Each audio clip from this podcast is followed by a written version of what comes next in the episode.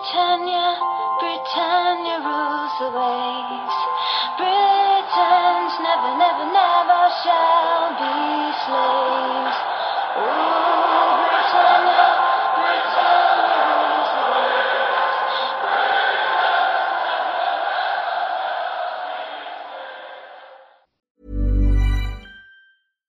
Sandra, and I'm just the professional your small business was looking for. But you didn't hire me because you didn't use LinkedIn jobs. LinkedIn has professionals you can't find anywhere else, including those who aren't actively looking for a new job but might be open to the perfect role, like me. In a given month, over 70% of LinkedIn users don't visit other leading job sites. So if you're not looking on LinkedIn, you'll miss out on great candidates like Sandra. Start hiring professionals like a professional. Post your free job on linkedin.com/people today.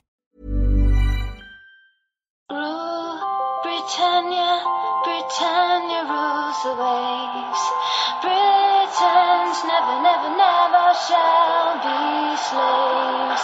Ooh, Britannia, Britannia rules the waves.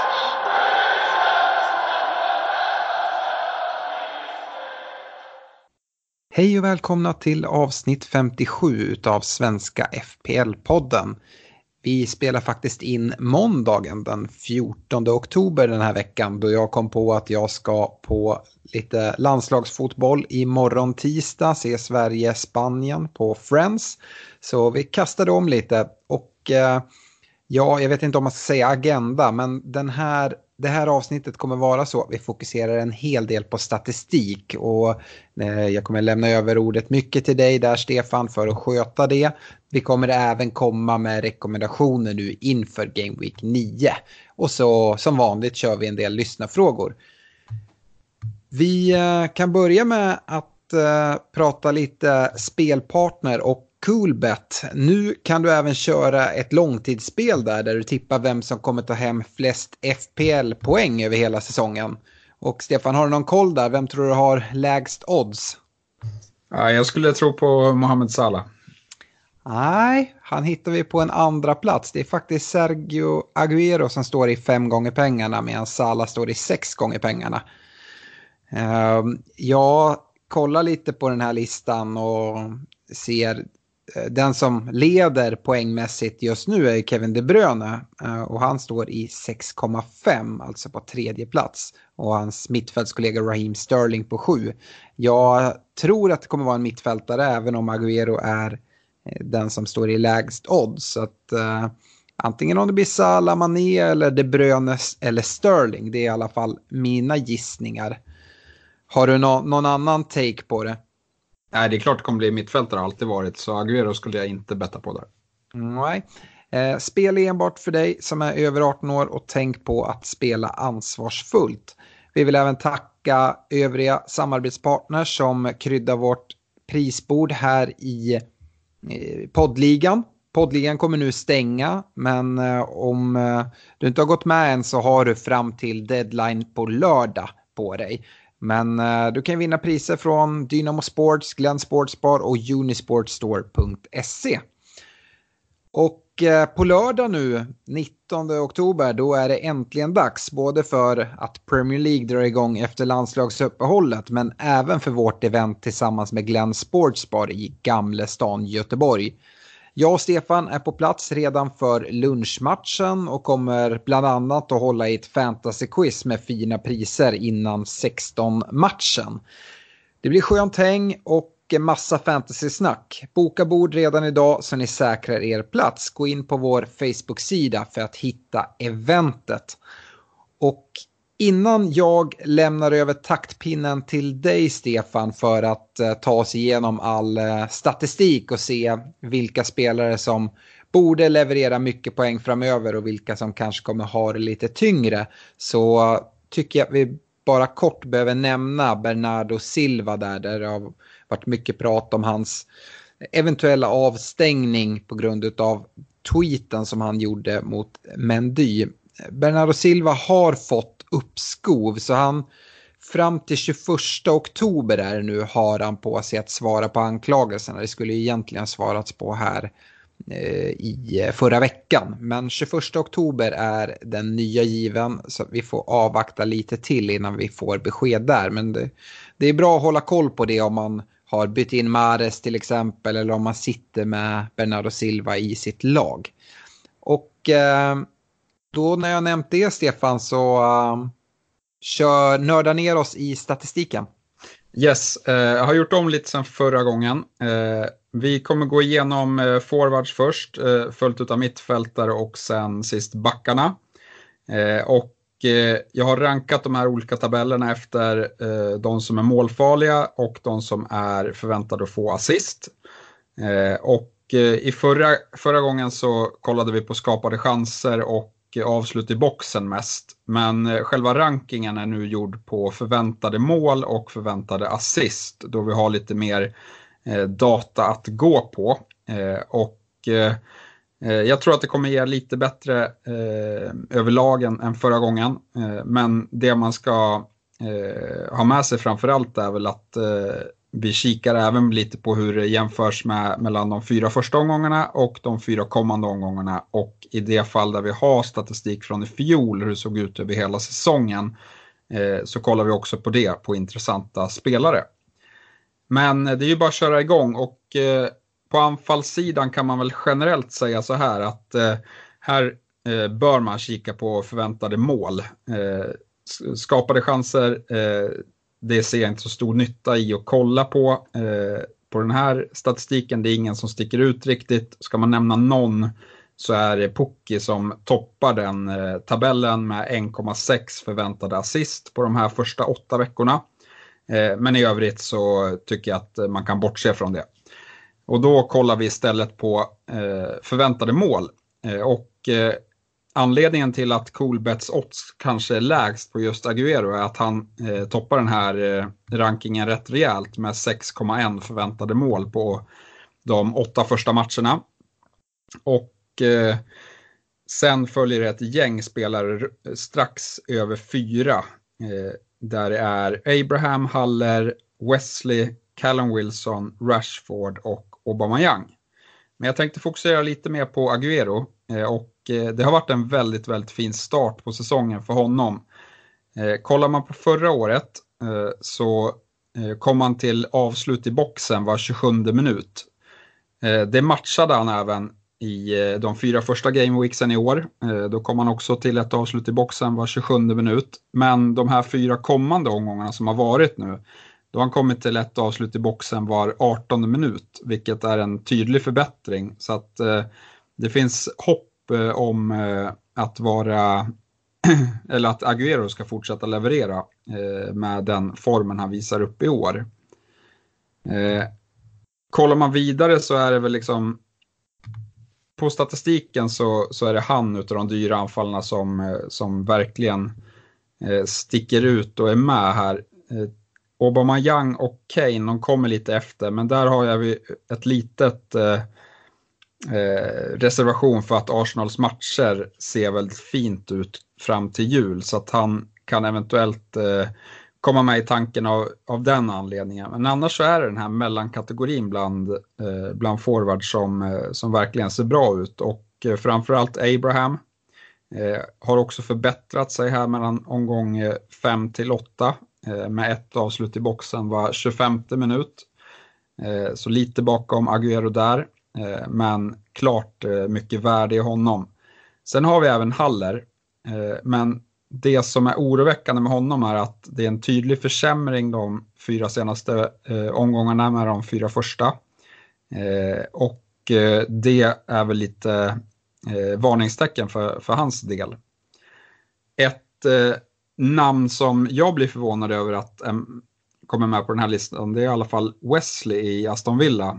Eh, men han, han ligger på fjärde plats här och eh, ja, har varit stabil över egentligen eh, alla åtta omgångar om man kollar på, på avslut i, i boxen. Då. Spelschemat för Aston Villa ser ju lite kämpigt ut efter Game Week 9. Så därav så är väl intresset för honom lite svalt. Men, men fortsätter han sen det blir eh, finare matcher igen då, då har han ett jättefint eh, billigt alternativ också.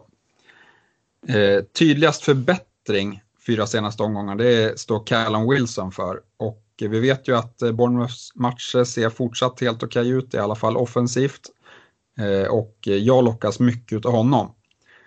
Sen kommer vi ner här på den sista jag kommer nämna och det är Marcus Rashford och här ser vi den klart sämsta försämringen eh, från de fyra första omgångarna till de fyra kommande. Eh, fyra första omgångarna, ett avslut i boxen var 39 minut. Eh, fyra omgångarna därefter så har han kommit till ett avslut i boxen var 166 66 minuter tar det för honom att komma till avslut i boxen. Inte imponerande på, på hans sida. Eh, en sista spelare, eh, jag glömde Pukki. Vi nämnde ju att han var en bra kreatör. Dock så är det här, eh, den här varningsflaggan som kanske har eh, rest på slutet lite befogad då eh, han matchade Agüero eh, de fyra första omgångarna. Ett avslut i boxen var 27 minut eh, de fyra kommande nu, ett avslut i boxen var 44 minut. Så att eh, han presterar inte Eh, i samma takt som Agüero, men det är inte heller förväntat. Dock så finns det väl några som lockar lite mer, men lägger man till att han är den bästa eh, anfallaren på kreatörssidan så skulle jag inte skriva av honom än i alla fall. Eh, nej, det var, det var väl ungefär det eh, jag hade om forwardsen. Det här är ju för att inte det ska bli allt för många namn så har jag bara kollat på de tio första. Eh, Alex, eh, vill du bolla upp någonting här? Ja, jag har lite tankar. Två spelare som du inte nämner men som vi har nämnt en hel del eh, kopplat till intressanta forwards är ju Firmino i Liverpool och Jamie Vardy i Leicester. Men de har inte tagit sig in på topp 10 så som jag förstår det.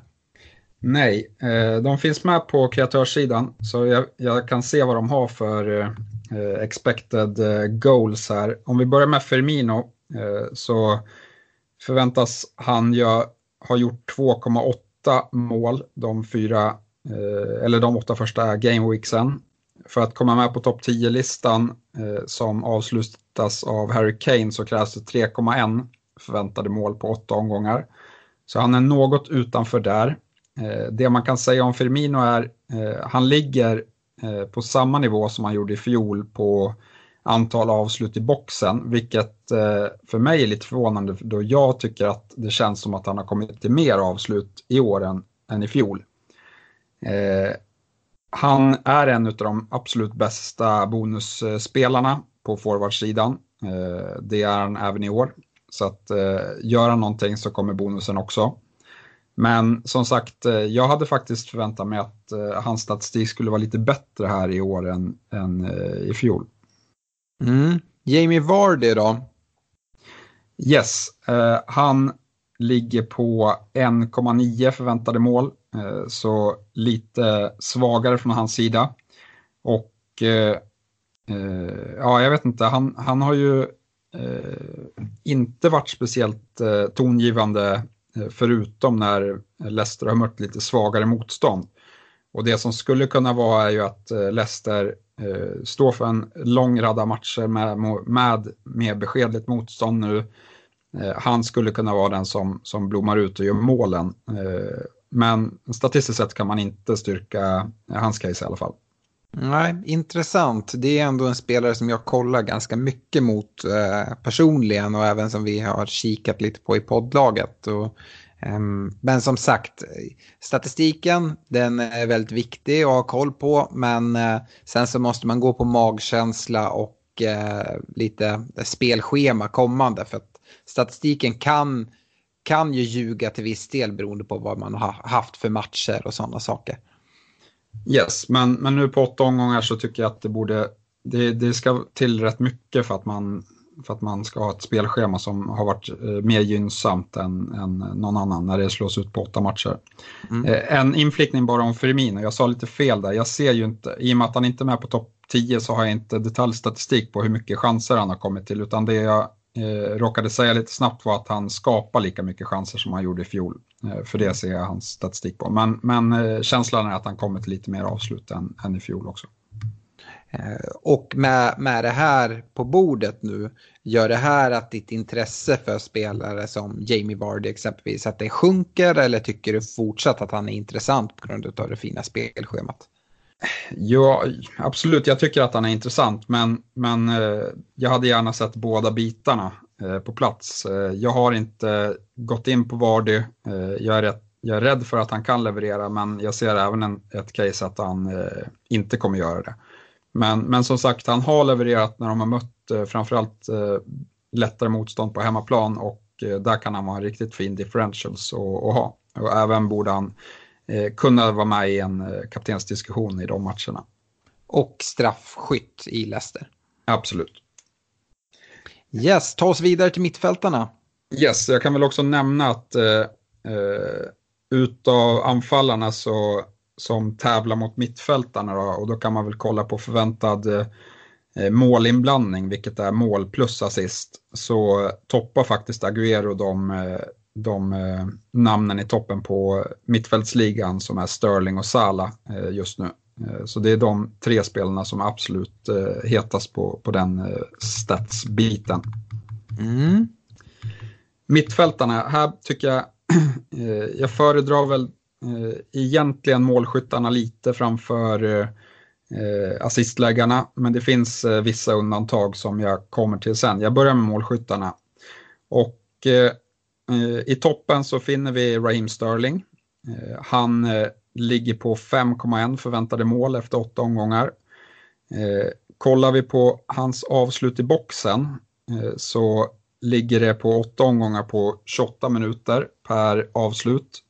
Och där har han faktiskt gjort en liten förbättring de fyra senaste omgångarna. Och eh, jämför vi det mot hans fjolår, eh, då kom han till ett avslut i boxen var 46 minut när han spelade. Så det är en tydlig förbättring från hans sida mot eh, fjolåret, vilket tyder på att han borde ta mer, mycket mer poäng än vad han gjorde i fjol över hela säsong om det här fortsätter. Så Sterling tycker jag absolut att man ska vara väldigt intresserad av, intresserad av fortsatt, även om eh, City har haft eh, lite jobbigt på slutet. Mm. Eh, sen har vi en diskussion mellan Mohamed Salah och Mané eh, och den är befogad, eh, skulle jag säga, väldigt befogad. Eh, jämför vi dem så trumfas Salah lite grann, eh, men jag skulle säga att det beror eh, mest på hur han startade säsongen. Salah har varit jämn eh, över, över de här åtta omgångarna i sett till antal chanser han har kommit till, medan Mané har förbättrat sig. Så de fyra senaste omgångarna så är de nästan helt identiska eh, när det kommer till hur mycket avslut i boxen de kommer till. Kollar vi på förväntad målinblandning eh, så ligger Salah på 6,3 eh, mål och Mané på 4,3, så två lägre där. Vilket ändå talar för att eh, över säsong så ska, eh, eller så tror jag i alla fall att Salah kommer ta mer poäng än Mané. Men fortsätter trenden att eh, Mané matchar honom i och komma till avslut, då, då kommer det vara tajt eh, mellan dem. På, på fjärde plats hittar vi Cantwell faktiskt i Norwich och eh, det som är lite eh, roligt med honom det är att eh, Folk har börjat byta ut sina Norwich-spelare nu, men Cantwells statistik visar eh, något helt annat. Han har eh, mer än eh, fördubblat eh, sin, eh, sina avslut i boxen mellan om, omgång 5 och 8 jämfört med 4 och 1, eller 1 och 4. Så att eh, om, man om man funderar på att byta ut Cantwell så hade jag eh, behållit honom framförallt för det låga priset 4,9 och komma in som topp 4 på en eh, förväntad målgörarlista här i, i bland mittfältarna. Om man ska överge Norwich kanske det är Pukki man ska kolla mot mer i sådana fall eller vad, vad ja, tänker du? Ja, absolut. Eh, det skulle jag säga, för där finns det betydligt bättre alternativ i den prisklassen. Eh, vi har Abraham där, vi har Haller, Callum Wilson för en miljon mer, ser jättefin ut också. Så att Wood i Burnley har gjort en, jag nämnde inte honom när vi pratade forwards, men han har gjort en stor förbättring på slutet här och kan blandas in i den diskussionen också. Mm. Ja, eh, sen vet jag inte. Vi, vi skippar Bernardo Silva. Han kommer med på femte plats, men eh, det är ett stort rotationshot i City och jag tycker väl inte att eh, han är jätteintressant just nu. Framförallt inte med den här avstängningen som hänger över honom. Sen kommer Mason Mount. Jätteintressant. 2,3 förväntade mål plockar vi in honom på. Fint spelschema, jättebra eh, läge att vara investerad i honom. Han, han eh, hamnar precis utanför eh, topp 10 på assistligan också så att eh, han, han hotar både med mål och assist men det är bara mål han har fått eh, utdelning för än så länge i Chelsea. Eh, ja, sen är det väl lite svalare intresse för det är i slutet av topp 10-ligan runt två förväntade mål på åtta omgångar finner vi PP i Arsenal, Silva i eh, Manchester City, eh, David Silva alltså, och eh, Tom Cleverley i Watford. Det är väl baserat på hur många chanser han hade mot Arsenal. Eh, och sen har vi eh, Madison i Leicester och eh, Madison skulle jag också vara intresserad av. Han, han likt Mount, de, de två kan man jämföra rätt väl i statistiken. De har ungefär lika mycket förväntade mål och ungefär lika mycket förväntade assist. Så att deras förväntade målinblandning landar eh, ungefär likadant. Eh, vilket eh, borde tyda på att eh, de ska leverera lika mycket poäng ungefär. Yes. Eh, assistmässigt då, du sa att det kunde finnas vissa spelare som ändå kunde vara intressant. Jag kan tänka mig att en spelare som Kevin De Bruyne kommer upp här. Ja, här är det väl framförallt eh, två City-spelare i De Bruyne och Mares. Eh, Mares blev ju nyligen framröstad till Citys bästa spelare eh, den här, eller föregående månad. Eh, så att eh, eh, han ser väldigt intressant ut och eh, kikar man mot föregående år när han var ny i Manchester City, då skapade han eh, en chans var 56 minut eh, av speltid. Det är han nu nere, har han nu, nu eh, Eh, det är nu nere på vart 23 minut här i säsongsinledningen av den här säsongen. Så jättebra förbättring där. Eh, man ska ha eh, mest förhoppningar på assist, men han ligger även på 1,4 förväntade mål, så att han har ett målhot i sig också. Och lägger man ihop de två ingredienserna, då hamnar man på 4,0 i förväntad målinblandning och med det så, så hamnar han precis bakom Mané i, i den statistiken som ligger eh, femma, eller han, Mané ligger fyra, Mahrez ligger femma eh, i förväntad målinblandning. Och eh, nej, jag tycker att det finns ett case. Caset stärks ju extra mycket nu om Bernardo Silva skulle, skulle bli avstängd ett, eh, ett, längre, ett längre tag. Eh, annars är det Kevin De Bruyne och eh, här ser vi liksom i statistik, det går liksom inte att blunda för honom. Eh, han kvalar in som precis bakom eh, Sterling och eh, Salah i förväntad målinblandning. Skapar extremt mycket chanser i år. Var 18 minut eh, skapar han en chans och det har bara blivit bättre de senaste fyra omgångarna. Så att, eh, och dessutom om man kollar på eh, hur troligt det är att han tar bonus så krossar han allt som finns eh, i, i den vägen eh, i, i ligan. Eh, och det ska väl tilläggas på Mares också att han, han är jättefin i bonus, bonusstatistiken. Mm, vi håller väl eh, ögonen öppna där inför om Kevin De Bruyne är redo för start nu efter landslagsuppehållet till Game Week 9. Ja, eh, nej men sen eh, i övrigt på assistsidan på, på bland mittfältarna så eh, jag vill inte nämna jättemånga. Jag tycker man eh, kan nämna Jack Grealish i Aston Villa. Eh, har gjort det jättebra de senaste fyra omgångarna. Eh, har både ett målhot och eh, ett assist och förväntad assist. Eh, kostar 5,9 så att eh, eh, ser man att Aston Villas matcher blir lite bättre så, så ser han intressant ut helt klart. Ja, Villa har ju lite tuffa matcher. Däremot har vi sett Graylish nu på senare tid flyttats fram i fronttrean och istället för att utgå från mittfältet. Och det gynnar ju han såklart. Jag tror att det kan ha stor del till de här ökande siffrorna på honom. Yes, äh, men han, han, eh, Eh, om man kollar på målinblandning så landar han bland, i samma kategori som Madison och Mount faktiskt. Dock att han har lite mer assist än, än själva mål då, i sig. Yes, eh, de här mittfältarna då, om vi ska eh, sätta upp ett,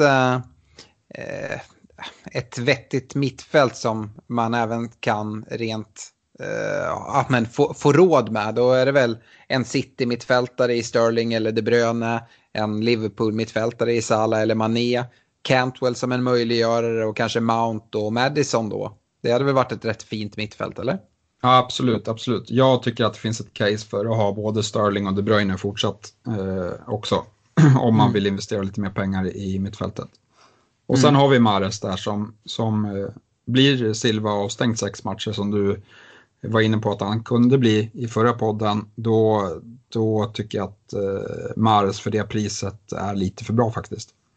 Ja, det är mycket gissningar där kring Bernardo Silva, men eh, FA har väldigt skarpa straff för rasism och även om det nu eh, inte är eh, rasism. Eh, det är lite speciellt när det rör sociala medier. De har inte riktigt klara statuter för det, men är det rasism eh, på, på plan eller så, så är det minst sex matchers avstängning. Gällande sociala medier så finns det inget riktigt uttalat, men jag tror att de vill Eh, sätta en standard även här och kunna ha som prejudikat. Och jag, eh, ja, känner jag FA rätt så tror jag att de kommer vilja statuera ett exempel. Kanske inte sex matcher, men jag har svårt att se att det ska stanna vid böter. Utan några matchers avstängning kommer, förväntar jag mig i alla fall. Sen får vi se, man vet aldrig med, med brittiska förbundet.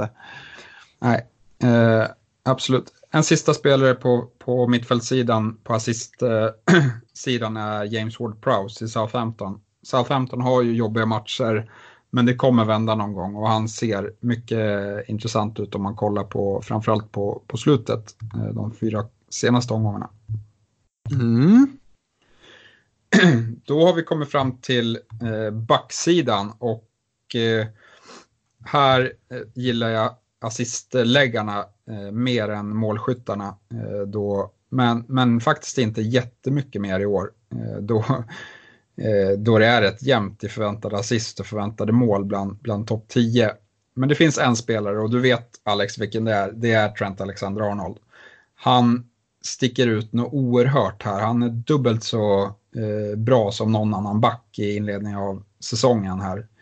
Eh, han leder eh, bonuspoängsligan, eller inte överlägset, han, han toppar den bland backarna. Eh, han eh, leder assistligan överlägset och han ligger på femte plats i förväntade mål. Så att det, det kommer inte, eller det blir inte så mycket bättre än så skulle jag säga.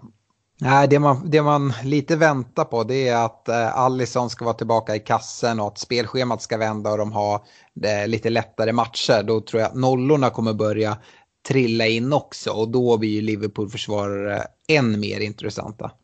Ja, och Trent är ju solklart den man ska, ska gå på först eh, om man inte har honom. Kan nämna att eh, i fjol när han gjorde, vad gjorde han, 12 assist tror jag han gjorde i fjol. då skapade han en chans eh, var 50 minut ungefär. I år har han halverat det i inledningen av säsongen. Så att eh, han, fortsätter han eh, ösa på på det här sättet, då ska han upp mot eh, 20 assist i år. Ja, det blir jätteintressant att följa och det som vi har varit inne på tidigare att även om Liverpools matcher är lite tuffa nu så Trent, han ska man bara ha helt enkelt. Yes. Eh, sen eh, vi fortsätter på assistligan och det är väl egentligen de fem första som, som kanske är mest intressant. Eh, faktiskt faktiskt har det smugit in en, en eh, United-back här i form av Ashley Young. Eh, nej, nej, nej, nej, nej, håll er borta.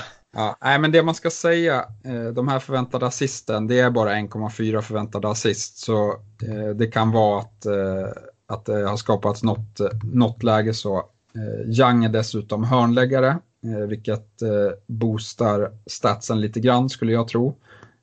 Då ja, men hörnläggarna skapar säkert några halvchanser per, per hörna om det liksom rankas som en farlig chans. det är absolut där Youngs eh, expected assist kommer ifrån, det kan jag garantera. Mm. Eh, nej, men jag är inte heller så sugen på honom, men han, han har smugit upp här i alla fall. Eh, och, eh, men, men det är de, tre, eller de två som kommer efter här i form av Aspilicueta och Digné. Men ja, jag vet inte, både Chelsea och Everton känns väl inte speciellt eh, starka defensivt. Därför skulle inte jag vilja betala 6 miljoner just nu för, för det, de statsen de visar upp. Men eh, om, man, om man pratar Digné först då, som imponerar lite mer, i, tycker jag, i, i statistiken. Då han skapar chanser eh, eh, mer frekvent. Aspilicueta han har nog eh, kommit med för att han har skapat några, några stora chanser eh, och det ser jag inte som lika hållbart i, i längden. Utan jag vill ha mycket skapade chanser helt enkelt. Men, men Digné jämfört med föregående år så ligger han på samma eh, nivå. Så att eh, en liten förbättring i Evertons eh, defensiv och han är jätteintressant igen skulle jag säga. Ja, jag kan skjuta in där bara kort också om Young. Nu ryktas det till exempel att både van Bissaka och Luke Shaw ska vara tillbaka till Game Week 9. Och då kommer ju Young förpassas till bänken om det är någon som mot all förmodan skulle lockas av, av Young. Så mm. där är en jätte, jättevarning i så fall. Men, men ja, vi får se. Men, men eh, Young skulle jag absolut inte gå till oavsett om eh, han kommer fortsätta starta eller inte. Men det tror jag inte att han kommer göra heller. Nej.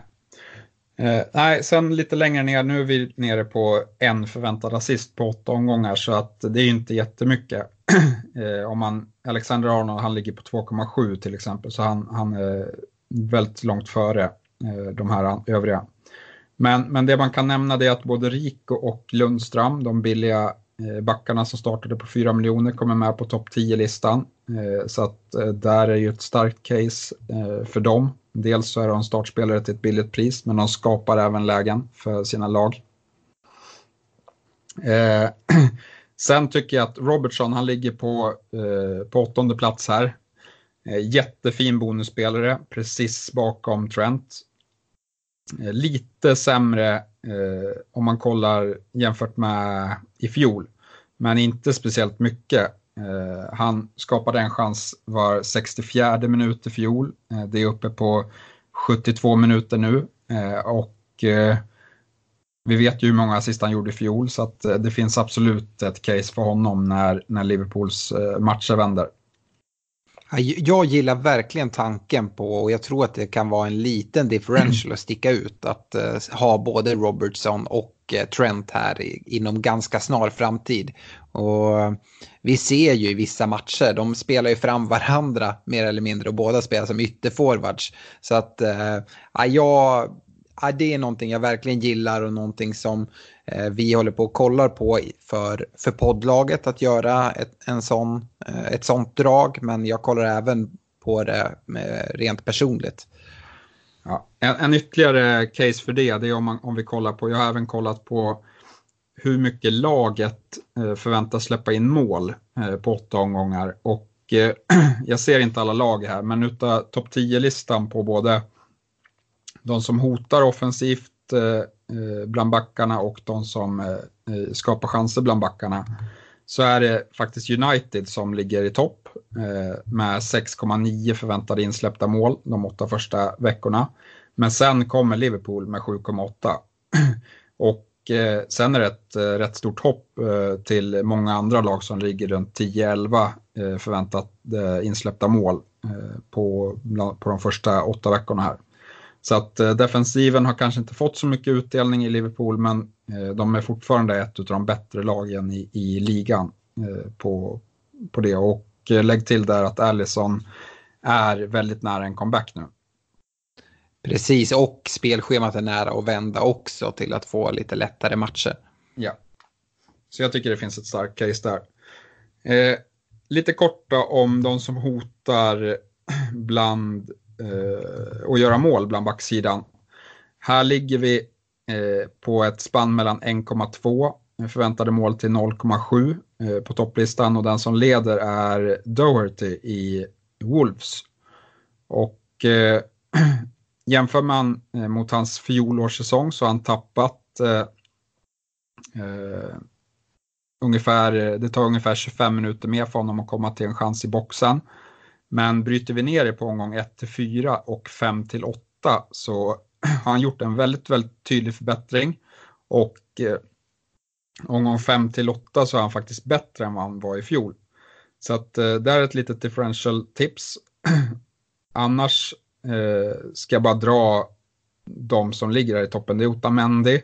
Vi har pratat om honom som ett case innan, trots att han är rätt usel eh, för City så, så hotar han på hörnor och City är ju så pass bra så att de kan hålla nollan eh, trots att, eh, att han spelade bak. Han är även en bra bonusspelare, Otamendi, något som man, inte alla kanske känner till. Nej, det är han faktiskt inte i klass med, med Liverpool-backarna, men, men han ligger där, där bakom så att det kan bli bonus om, om City håller nollan och inte gör allt för mycket mål framåt. Eh, sen har vi Patrik van Anholt eh, på tredje plats. Eh, har ju, de har imponerat eh, Crystal Palace defensivt men nu ser spelschemat eh, väldigt dåligt ut. Men han ligger med där. Eh, I övrigt så är det bara sådana som eh, alla de här spelarna de har litet, litet assisthot eh, väldigt beskedligt. Men, men sen är det bara målgörare och eh, jag vet inte jag är inte så intresserad av någon av de här. Jag tycker att de, man behöver ha i alla fall en grej till, att till exempel defensiven ser bra ut eller att eh, de är duktiga bonusspelare. Men, men det faller inte in på någon av de här spelarna som ligger här efter. Eh, jag kan nämna vilka spelare det är. Size i Wolverhampton, eh, Aki i Bournemouth, Cher i Newcastle, Westergaard, eh, Mina och Coleman i Everton. Ja, det, det är som sagt, det är samma där med Doherty tycker jag. Han är ändå prisad till 6,0. Jag gillar ju att se Doherty när han spelar, men det är ganska stor skillnad mot förra säsongen då han var så pass billig. Nu för 6,0 och vi vet att Wolves inte håller speciellt många nollor. Vi har dessutom Europa League där vi har sett att Doherty kan roteras lite i ligan och sådana saker.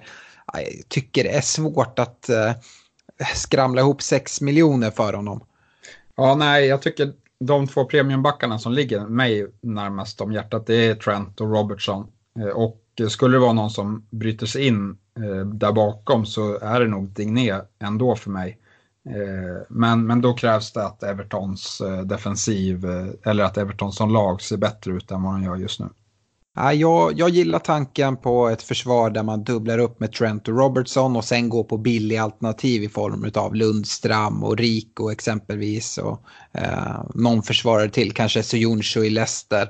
Sådär, för där man har ganska billigt och så har man två riktigt, riktigt dyra som eh, eftersom att vi ändå har sett ganska mycket värde i de här billiga dessutom. Ja, vi har, jag har faktiskt två billiga på, på förväntade assistligan med i övrigt som jag inte nämnde och det är Fredericks i West Ham och Burn i, i Brighton. Mm. Jag tycker det är extremt låga siffror ändå på expecter. Om man ser på åtta omgångar att eh, utöver trend så är vi nere på 1,4-1,2 i eh, förväntade assist. Det tycker jag är väldigt lågt när vi ändå ser väldigt många offensiva ytterbackar. Vi ser eh, Digné och Rico och Young som tar väldigt mycket fasta situationer och sådana saker. Jag tycker att det är lägre än vad jag förväntade mig. Ja, det, det kanske inte är eh, helt optimalt eller så är det att de inte de har presterat eh, som, som de borde. Men man ska ha med sig det också att eh, den här förväntade statistiken den är ju byggd på algoritmer och eh, den, den tar inte hänsyn till kvaliteten på, på spelarna. Det är ju rätt tydligt på anfallssidan brukar det kunna vara att de, de duktiga avslutarna de överpresterar ofta sitt förväntade, eh, sina förväntade mål. Eh, och eh, lite samma sak är det väl med förväntad assist. Har du bra avslutare i laget, ja men då kanske du inte behöver ha lika mycket förväntad assist för att det ska eh, omsättas till, till en assist då, då forwarden faktiskt sätter dit läget. Ja, absolut. Du Stefan, kan jag få smyga in med en lyssnarfråga här mitt i statistiken som lite har med statistik att göra? Absolut. Eh, det är vår uh, gode lyssnare Fredrik Norrström som har skrivit in och han skulle gärna vilja höra en analys kring om det kan vara så att VAR kan gå in och påverka och förfalska statistiken. Han menar på att eh, sen VAR infördes kan man se en tydlig skillnad i hur de assisterande domarna agerar. Det kan vi väl lugnt hålla med om vid offside-avvinkningar. Före VAR så eh, var den assisterade domaren ofta ganska snabbt uppe med flaggan om han eller hon bedömde att det var offside. Med VAR så upplever Fredrik, men även så har de väl fått de eh, direktiven att de inte ska skicka upp flaggan eh, om de är lite så, små och osäkra utan då får VAR gå in i efterhand. Eh, men om det, det kollas ju bara om det blir mål.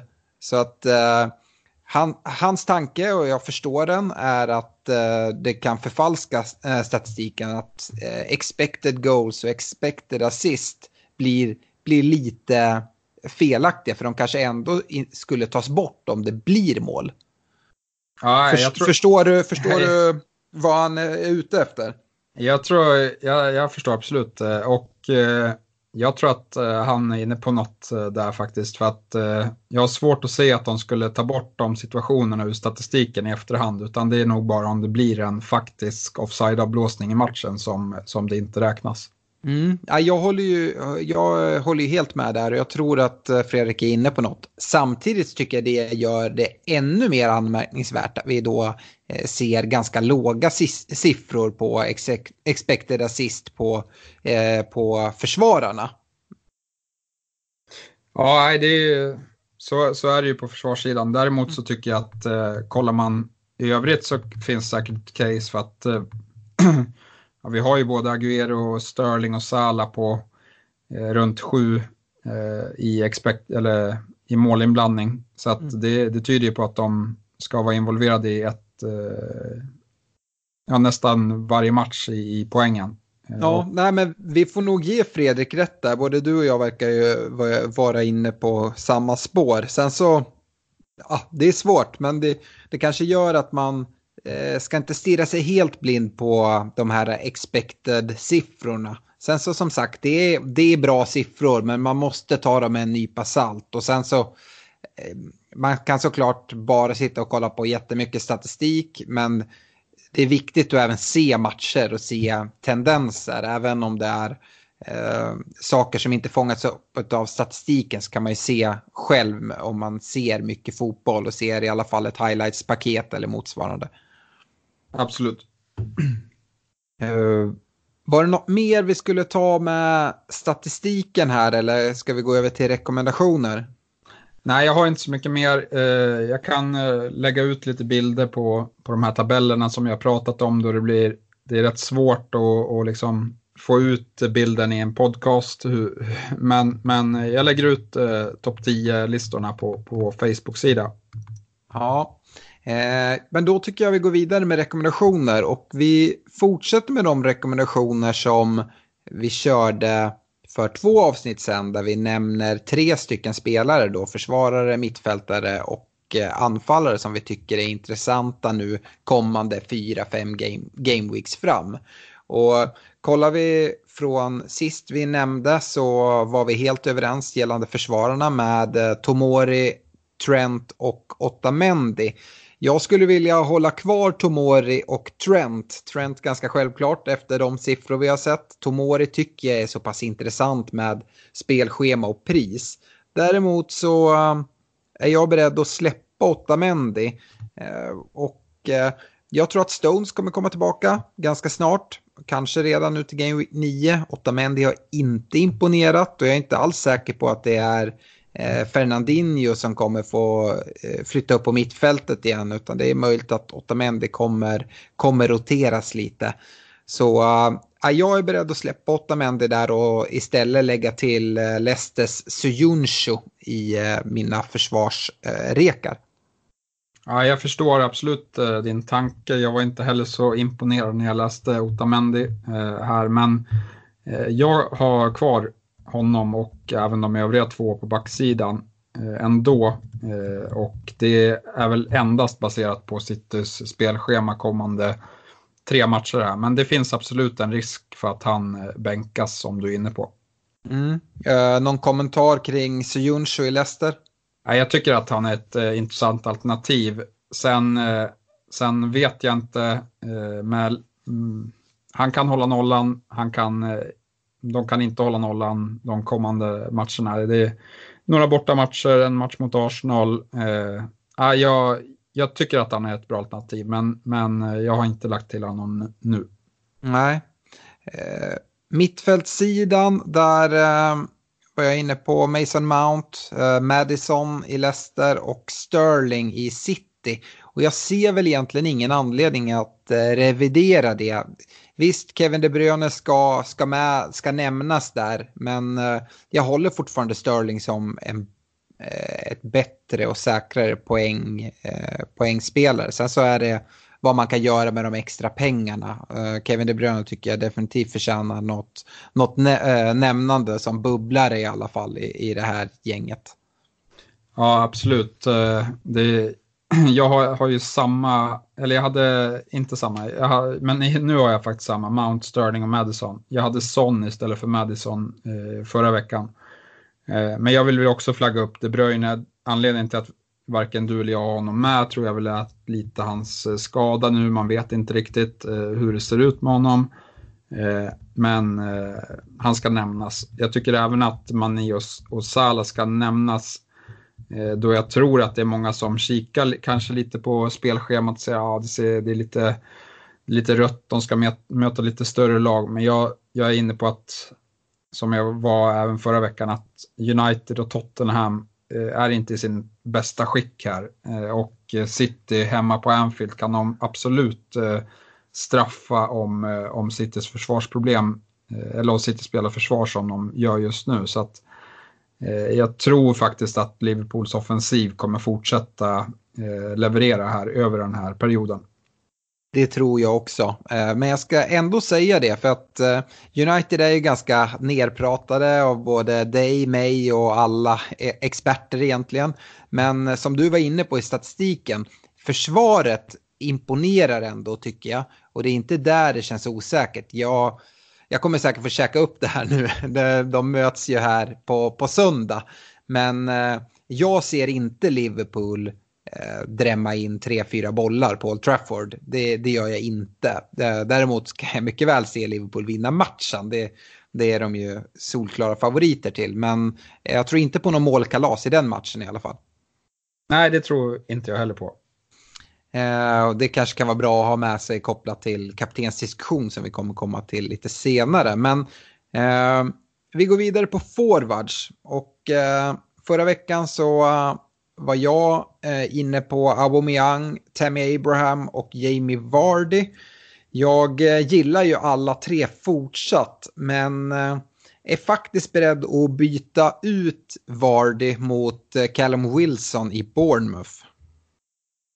Yes, jag håller faktiskt kvar mina anfallare eh, här i Aubameyang, Abraham och Agüero. Eh, och eh, ja, jag, jag, tror inte att eh, vägen är att gå och äga både Aguero och Aubameyang. Det är för mycket pengar i, i anfallet. Men eh, en av dem eh, kan man absolut äga och eh, jag skulle Aguero imponerar mest i statistiken. Men över en längre period så, så ser Aubameyang bättre ut.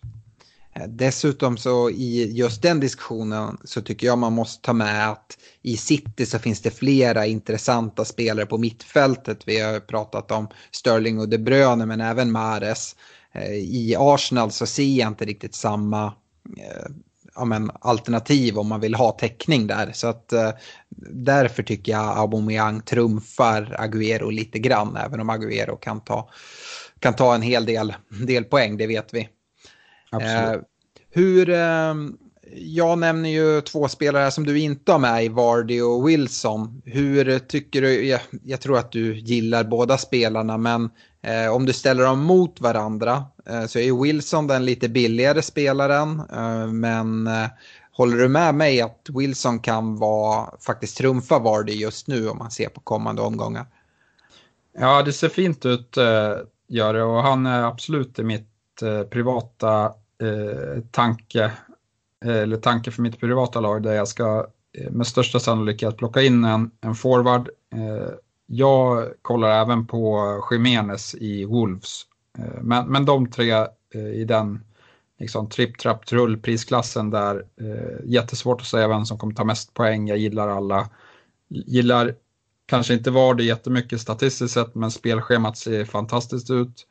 Eh, Wolves är ett litet bett på att de ska fortsätta förbättra sig. Eh, de har eh, sett allt bättre ut mot nu när de har kommit in i, kanske vant sig lite med att spela eh, Europaspel. Det var ju nytt för dem i år och det kanske tar några omgångar innan man kommer in i det som klubb också. Men, och sen Bournemouth, där tycker jag Wilson imponerar fortsatt. Ja, min tanke kring att släppa Vardy till förmån för Wilson går lite kring det vi pratade om Aubameyang och Agüero. Att eh, det kan ju vara så att eh, som jag rekar Madison på mittfältet, där tycker jag att det finns en, ett bra alternativ och det kan vara att är det så att Leicester har det lite tyngre så kan det vara lite jobbigt att sitta med både Madison och Vardy. Eh, då kan man, kanske man kan nöja sig med att ha Madison som förmodligen kommer få en del poäng även om Vardy tar, gör något mål. Eh, men med Wilson så får man täckning i Bournemouths offensiv och eh, vi vet ju vad Callum Wilson kan göra där. Så att eh, lite så är det jag tänker när jag byter, byter bort Vardy även fast jag, jag gillar honom. Yes, ja, det finns ett case absolut.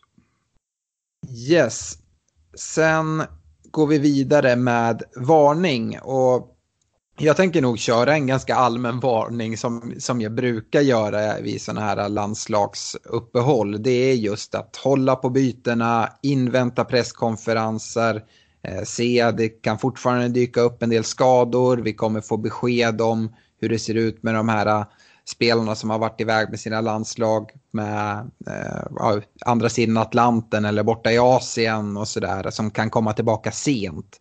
Och eh, av den anledningen så tycker jag att man ska avvakta tills presskonferensen innan man gör några byten och inte jagar de här äh, små prisförändringarna i 0,1 upp och ner och sådär. Utan eh, ha lite is i magen, det är, det är mitt tips. Ja, det är ett bra tips. Eh, en liten eh, tillägg bara på det. Jag läste att i det här landslagsuppehållet så är det faktiskt lite mer tid för eh, återhämtning för spelarna. De flesta landslagen spelar sina sista matcher idag eller igår. Eh, vilket gör att det är rätt många dagar till, till Premier League drar igång igen. Eh, och eh, samtidigt i vårt Europakval här i, i eh, så börjar det bli avgjort i en del grupper där man kanske eh, vilar lite spelare av den anledningen i, i de eh, lagen som ligger bra till och så. Absolut, men som sagt håll koll på, på presskonferenser och eh, se vad som händer. Vi vet ju till exempel att eh, Sverige, Spanien spelar, spelar imorgon och eh, det är fler lag som, som, kommer, som fortsatt har matcher kvar. Absolut. Ja, jag tyckte det var väldigt svårt att hitta någon bra varning eh, den här veckan. Eh, jag känner så att det är en, det är en sån jämn säsong eh, i år det finns så mycket alternativ eh, överallt. Och jag får känslan av att eh, man inte ska ta allt för mycket minus just nu. Eh, att man ska göra by få byten helt enkelt. För att eh, eh, ja, det verkar inte skilja så mycket mellan, mellan de lag som folk plockar ut. Och har man en dålig omgång så kanske man eh, spontana känslan att man ska ta någon minus och ta in andra spelare och då vänder det helt eh, på skeppet och eh, blir de som man ägde redan sedan tidigare som, som tar poängen. Så att eh, jag vill skicka ut en varningsflagga för att inte göra för mycket byten i år. Ja, det lockar hela tiden när man ser någon spelare som eh, tar någon stor poäng, en, en summa och så vill man få in honom och så börjar man trixa och göra två, tre byten för att få in honom och bli, bli nöjd med laget utan att man riktigt tänker till med, med minuspoängen. Jag är ju en ganska tråkig manager och eh, håller mig generellt sett borta från minus. Men även jag har lockats eh, lite för mycket men det har att göra också med att jag har haft eh, en tuff start. Men eh, jag kommer lyssna på ditt tips där och hålla igen med minuspoängen här framöver. Går vi till kaptensvalen då så Ja, kollar man det nästan varje vecka så kollar man vilka möter Liverpool, vilka möter City. Eh, Liverpool har vi varit inne på, de möter United borta på Old Trafford. Ett United som är Eh, både en del skadeskjutet, även om det ryktas att många spelare kan vara tillbaka till just den här matchen. Men framförallt saknas all kreativitet. Men det är framåt, bakåt tycker jag ändå United har alltså, imponerat till viss del, men det brukar ändå komma något misstag i varje match. Men de släpper inte till jättemycket. Så jag lockas inte av Liverpool-alternativen. City där, ja det finns ju lite, de torskade ju senast mot uh, Wolverhampton och uh, Sist de torskade, när de torskade, torskade mot Norwich så fick de en rejäl reaktion när de mötte Watford och vann med 8-0. Nu ska de dock till Sellers Park där Pallas har varit väldigt tajta bakåt. Så det är lite vad man tror om Pallas kan även hålla igen ordentligt eh, i den här matchen. Men eh, äh, mitt val går ändå på, på Abraham i Chelsea. De ska möta Newcastle hemma och ja, Newcastle vann mot United men det säger inte jättemycket. Eh, jag tycker att Newcastle är rätt dåliga, framförallt på resande fot. Eh, kollar man Abraham, och nu är det här ett statistikavsnitt, kollar man hans statistik senaste fyra gameweeks och den imponerar verkligen. Han har den spelare som har flest skott på mål, eh, tio eh, avslut på mål på fyra gameweeks, vilket är riktigt bra. Han ligger Eh, Eh, tvåa i statistiken eh, på antal skott i boxen. Bara eh, Agüero ligger före där. Men då ska man ha, ha klart för sig att Abraham är mer pricksäker med sina skott och sätter väldigt mycket mer på mål än vad Agüero har gjort här. Jag tycker att det är väldigt mycket som talar för, för Abraham inför Game Week 9. Ja, det är ett eh, jättebra val. Han, han eh, finns absolut med i mina planer också. Eh, men jag ska säga någon annan.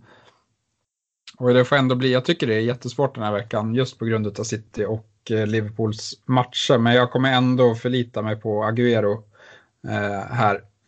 Han imponerar stort, spelar, har inte spelat något landslag och jag tror som sagt, jag litar på Pep att han piskar igång dem, att de vinner bekvämt mot Crystal Palace. Mm. Eh, kan nämna det också, Aubameyang är en spelare som har varit med i många kaptensdiskussioner. De möter Sheffield United borta. Och Sheffield har ju stängt igen rätt bra eh, hemma så att eh, därför är jag inte så intresserad där. Vi har Tottenham på hemmaplan där vi vet att de kan prestera ganska bra. Å andra sidan är det svårt att veta vart vi har det här Tottenham även om de spelar hemma nu. Eh, jag skulle säga, jag, jag kommer gå på Abraham men eh, om man inte går för Abraham så tycker jag att Callum Wilson i Bournemouth även ska nämnas. De, de möter Norwich eh, och de möter Norwich hemma på Vitality. Och eh, Norwich har haft det riktigt tufft på bortaplan senast. Även på hemmaplan släppte de in fem kassar mot Aston Villa. Jag ser inte Callum Wilson gå mållös från den matchen. Så att, eh, jag tycker inte att man måste kolla och sätta kaptensbindeln på, på eh, Agüero som är en dyr spelare eller Sterling, Mané, Salah. Utan eh, Abraham, Callum Wilson, eh, billigare spelare men eh, sett till deras statistik och vad de har för matcher så är det mycket bra kaptensval den här gameweeken skulle jag säga. Ja, det, det, är en, det känns på förhand som en bra vecka för en differential-kapten. Ja, och jag tror inte att man kommer vara jättedifferential och sätta den på Abraham. Jag såg nå någonting att han låg etta i uh, Fantasy Football Scouts uh, den här omröstningen om bästa kapten och jag tror att Callum Wilson, om han låg tvåa eller något sånt där, alltså de låg båda väldigt högt upp i alla fall. Eh, ska vi prata differential, alltså spelare med ägarandel under 5% så vänder jag mig mot Bournemouth eh, just med tanke på den här eh, matchen mot Norwich. Men även sett här framöver så har de rätt okej matcher. Och eh, då till mittfältet och en annan Wilson, nämligen Harry Wilson. En spelare som ja, men jag tycker har gjort det väldigt bra och där man skulle kunna gå in uh, och säkerligen kunna greppa en del poäng här framöver. Ja, jag kör på Wolves och eh, den på nytt födde Doherty eh, som endast ägs slutar 2,8 procent. Eh, det här krävs ju såklart att eh, att han fortsätter förbättra sig likt han eh, gjorde här i mellan gång 5 och 8. Men kollar man på Wolves spelschema fram till jul så ser det riktigt fint ut. Krävs också att han startar, det gjorde han ju inte senast mot City. Nej, absolut. Eh, men jag tror att han kommer eh, fixa till sig en startplats. Mm. Får jag bolla upp en uh, tanke här då, Stefan? Uh, vad tycker du om, det här är verkligen en differential, men det är ju vissa som sitter på exempelvis uh, Mason Greenwood, en 4,5 anfallare. Nu såg vi ju unge Connolly i Brighton drämma till med två baljor och är prisad till endast 4,5. Skulle det kunna vara en eh, differential och kanske någon som kan stiga i värde en del eller är du orolig att han inte kommer få så mycket speltid här när, när Trossard kommer komma tillbaka? Ja, jag nämnde ju honom rätt mycket i förra podden och sa att det kan vara en riktigt fin eh, spelare att ha för hans värde. Eh, men som sagt, då ska man nog ta in honom nu för att det är nu eh, Brighton har sina fina eh, matcher. Sen blir det lite tuffare, men jag ser absolut ett hot från Trossard och eh, eh vår... Eh, ja, men han, har, han har roterat rätt mycket också i, i Brighton. Ja. Så Nej, det, att, vi får det, se det är en tanke i alla fall där, eh, att man skulle kunna gå in på Connolly. Uh, yes, se till att göra era byten innan 12.30 på lördag. Då det är deadline då Everton West Ham sparkar igång och då sitter vi bänkade på, på Glenn uh, på Brahegatan i Gamlestan. Uh, det ska bli riktigt kul. jag tänkte vi hoppar in i lyssnafrågor.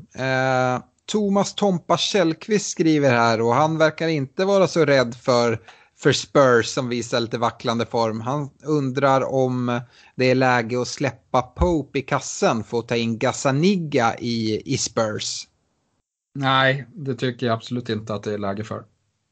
Eh, nej, det tycker inte jag heller. Dels för att Tottenham inte imponerar, men sen så gjorde Tottenham klart igår tror jag eh, med en nyförvärv, en spelare som är känd i klubben sedan tidigare i, i form, eh, målvakten där. Och eh, han har inte kom, blivit prisad i spelet än, men jag är inte säker på att Gazzaniga går före form ens i, i Spurs. Nej, det kanske han inte gör. Uh, så att... Uh, och sen dessutom tycker jag att Pope har inte gjort någonting för att visa att man ska byta ut honom heller. Utan jag, jag sitter med Pope och jag är ganska nöjd med det. Um, yes, Erik Sala skriver så här. Byta eller behålla Pukki? Ja, det, det är en vattendelare. Uh, nej, men vi ser på statistiken att han har eh, försämrat sig. Uh, men han, eh, han är fortsatt inte ointressant. Han, han kommer till, fortsatt till lägen och så. så att, eh, det kan vara rätt läge att byta ut honom. Eh, mycket hänger på, på vad Norwich gör härifrån. Eh, liksom om, om de fortsätter den formdipp de har haft eller om de kan få tillbaka lite spelare och eh, därmed komma upp och spela som de gjorde i början av säsongen.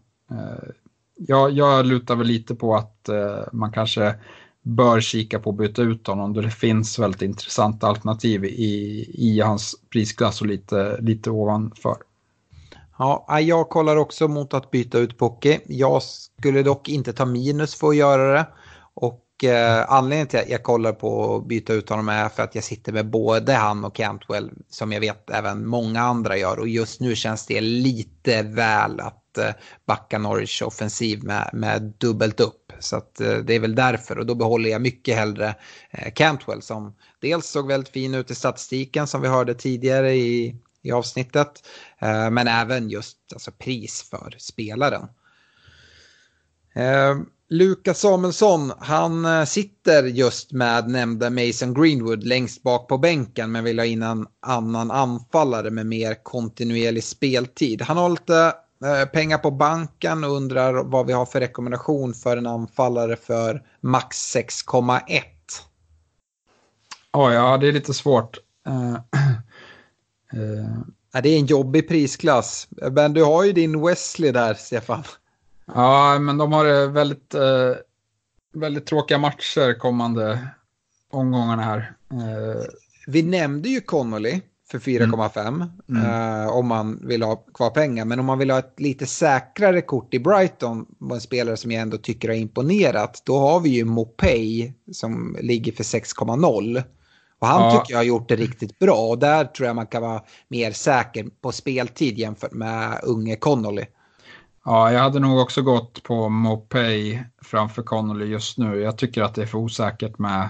Han har väl kommit in och spelat en match från start och så gör han det bra, men det, det är ingen garanti för att han på över sikt ska få fortsatt förtroende.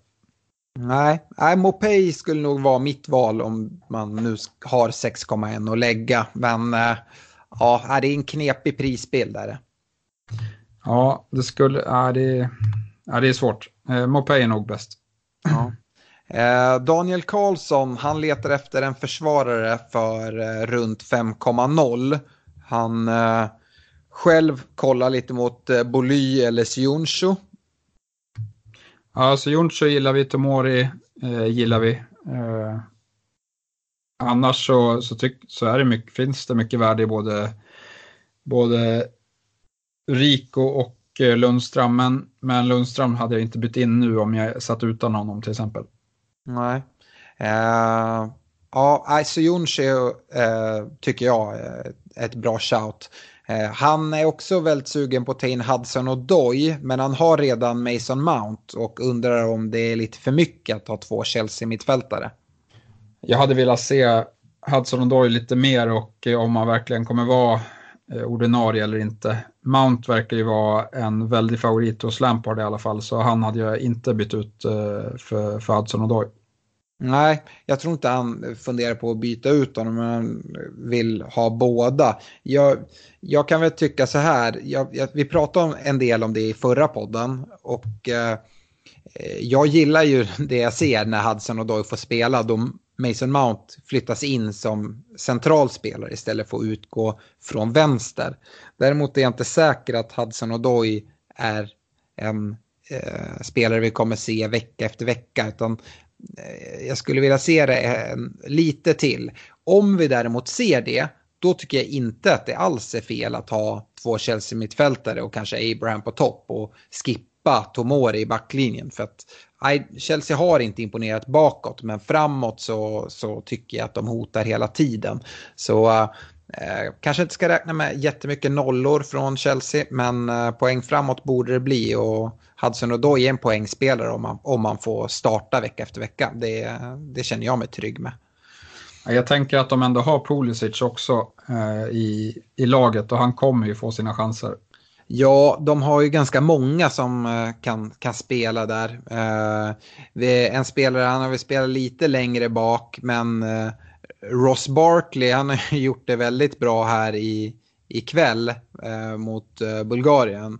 Han gjorde ju eh, två mål och, och, en assist bara i, i första halvlek. Eh, så ja, jag Sen har vi ju, vi har nämnt det tidigare, en spelare som jag tror väldigt mycket på. Det är ju Ruben Loftus-Cheek när han är tillbaka från skada. Då ska han in i den här äh, svängen också. Och, ja, det kommer bli trångt där på Chelseas mittfält och det gäller att prestera om man ska starta vecka efter vecka. Eh, André Wideheim Ekelund äh, undrar, Madison eller Vardy? Eh, Madison skulle jag gå på, på grund av pris. Yes, instämmer. Och eh, sista frågan från Facebook är från Jocke Kaptenen. Han undrar om eh, han ska byta Jarmolenko mot McGinn eller Fertongen mot Pereira. Ja, Fertongen mot Pereira skulle jag nog.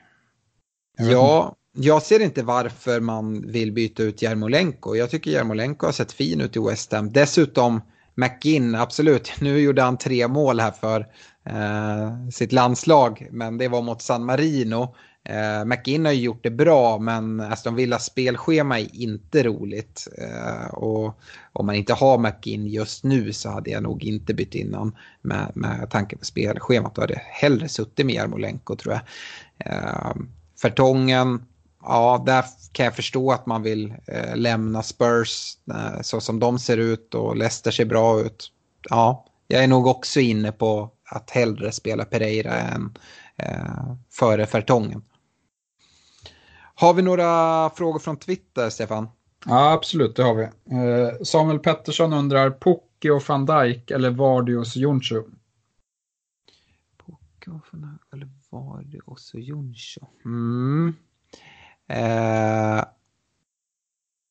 jag får nog gå på... Om, I de två alternativen så hade jag nog gått på, på Leicester-spåret. Eh, med Sojonsho och Vardy. Eh, men det kanske har att göra mer med att jag tänker att man redan har Trent i, i, eh, i försvaret. Och eh, ska man dubbla upp i Liverpool-försvaret tycker jag att ytterbackarna är det bästa alternativet. Så eh, jag skulle gå på Sojonsho och Vardy. Yes. Eh, Frippe han undrar om vi spelar FPL Draft och har några generella tips. Eh, nej, det, jag tror, gör du det Stefan? Nej, jag körde i fjol, om, eller om det var för två år sedan, men jag fastnade inte riktigt för det. Ja, vi körde ju någon vända där då jag plockade hem det vet jag. Eh, men jag har bara spelat det en gång. Eh, och eh, nej, generella tips, det är, mycket avgörs ju direkt vid draften. Eh, när du ska ta ut ditt lag. Och eh, tipset där som, som jag lite missade, men jag vann ju i alla fall, men det är ju att ta ta forwards. För det finns inte, alltså de allra bästa forwardsen, de går ganska fort. Det finns ganska mycket mittfältare som, som levererar och, och sådär. Eh, men nej, jag är inte någon expert på, på draft och jag tycker att det är ett roligare spel med eh, vanliga eh, fantasy än, än draften. Men man kan ju såklart spela båda, men då ska man orka driva det också. Yes. Uh, Johan Eriksson undrar, Son och Pukki till Mount och Wilson? Ja, tycker jag låter vettigt. Så länge det inte innebär några minus. Nej, han har två fria byten, skriver han också. Ja, nej, då, då gillar jag det. Men eh, jag, skulle, jag skulle nog avvakta presskonferenserna i alla fall innan jag gör någonting. Yes. Uh, Jesper FBL, han undrar om uh, Haller till Wilson känns som ett rimligt byte inför Game Week 9. Mm. Ja, som sagt, jag har ju sagt att jag tror att Wilson kommer göra mål. Det kan ju mycket väl Haller göra borta mot Everton också. Och Haller visar ju på fin statistik. Eh, alltså om man inte har något annat byte som man känner att man måste göra så, så kan man absolut göra det. Eh, vi... Ja. Eh, han har skickat sitt lag, han har väl ett fint lag här. Så att, eh, jag skulle Eh, vi har ju sett Haller, han, han har ju bra statistik men lite sämre de senaste eh, fyra gameweeksen. Så att eh, det finns absolut ett case för att hoppa till Wilson där skulle jag säga. Samtidigt så har Haller, ja nu är Everton borta, men sen två ja, dubbla hemmamatcher. Sheffield United hemma och Newcastle hemma. Så ja, det är fina att, matcher. Det är fina matcher. Eh, har han bara ett fritt byte så kanske man skulle kunna eh, spara upp till två istället. Eh, jag tycker inte att det är ett självklart byte att göra. Men eh, ja, om man frågar mig vem jag tror tar mest poäng i Game 9 av Wilson och eh, Haller så tror jag Wilson kommer trumfa. Yes. Eh, Robert Jonsson, har Pocke i mitt lag värt att byta honom mot Jiménez? Ja, Jiménez, han har ju du blickarna mot Stefan, så nästan jag ska bolla över frågan till dig. Uh, jag, jag ser absolut att man kan göra ett sånt byte. Uh, jag tycker i och för sig att jag inte är helt övertygad av det jag har sett av Wolves än. Eh, jag tycker att eh, jag, ser hellre en spelare som Abraham i Chelsea eh, före, före Jiménez, men Jiménez är intressant ändå. Ja, jag tycker Jiménez är jätteintressant. Jag tror att det är ett bra läge att hoppa på honom eh, nu. Eh, men samtidigt så eh, vet vi inte. Men jag, jag, tycker att det är ett, förslag, ett bra förslag. Mm. Och även en spelare man får in som man kan äga under lång tid. Absolut. Eh, Okej, okay. Björn Jönsson har rätt lång fråga. Han ligger på 3000, 3 600 plats. Han vill klättra eh, och han ser två alternativ. Satsa på många differential och eller ett eh, lags lagdel som jag tror kommer gå bra. Typ eh, tre Burnley defensiv, tre Bournemouth offensiv. Vad skulle ni satsa på, vilka? Eh, jag hade inte satsat på allt för många differentials. Eh, det, det, är kanske ett eh, tråkigt svar. Jag tror att han kommer klättra genom att spela ett så bra lag som möjligt och inte spelare som man tar massa chansningar på. Det är ofta en, en myt skulle jag säga att man pratar om templates och att alla har likadana lag. Så ser det sällan ut. För att klättra, det allra viktigaste det är att hitta rätt kapten vecka efter vecka. Eh, och eh, att övriga spelare fyller på med poäng såklart. Men eh, man ska inte ha ett lag, skulle jag säga, med en 5-6 differentials. Det är inte det som kommer få dig att klättra, utan snarare tvärtom tror jag. Är det spelare som är, har en hög ägarandel så är det oftast för att de presterar väldigt bra. Kollar man nu är de mest ägda spelarna i, i, eh, i spelet. Så ja, men det är, eh, det är, på mittfältet så har vi Sterling, Salah, Mount, De Bruyne, Mané. Eh, det är spelare som man är bra att äga. Abraham är mest ägda forward, fullt av Pukki, Aguero, Aubameyang.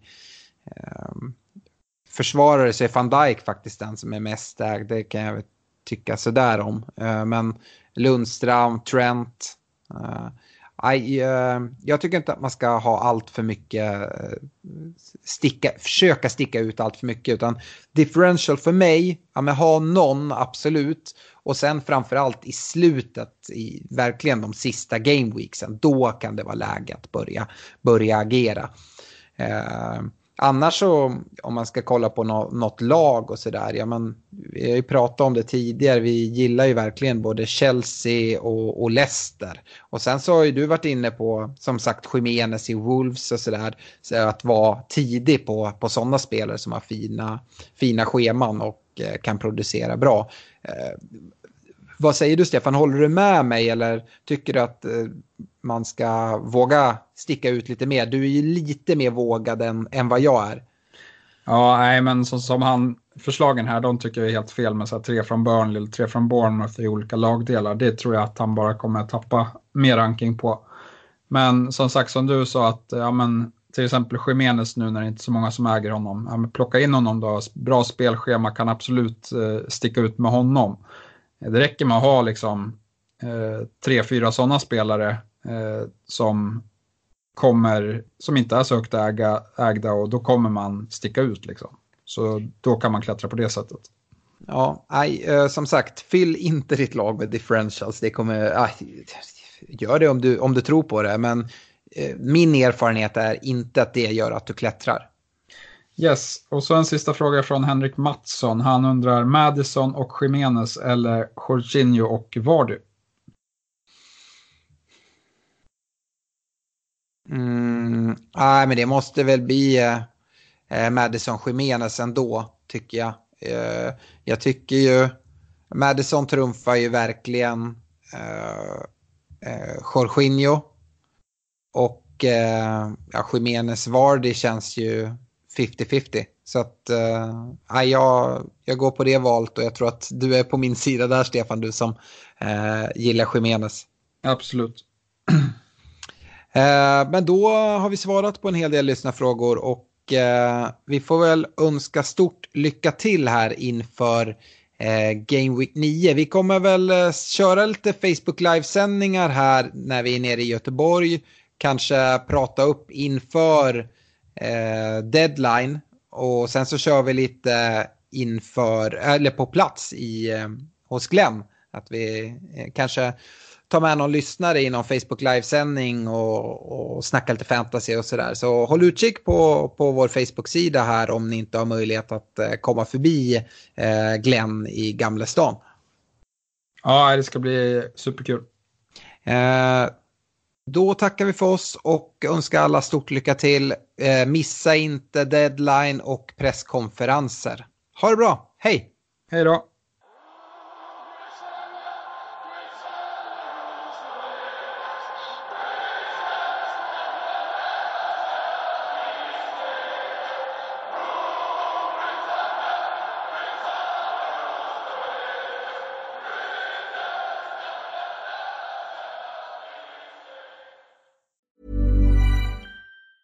Planning for your next trip? Elevate your travel style with Quince. Quince has all the jet setting essentials you'll want for your next getaway, like European linen, premium luggage options, buttery soft Italian leather bags, and so much more. And is all priced at 50 to 80% less than similar brands. Plus, Quince only works with factories that use safe and ethical manufacturing practices. Pack your bags with high-quality essentials you'll be wearing for vacations to come with Quince. Go to quince.com slash pack for free shipping and 365-day returns.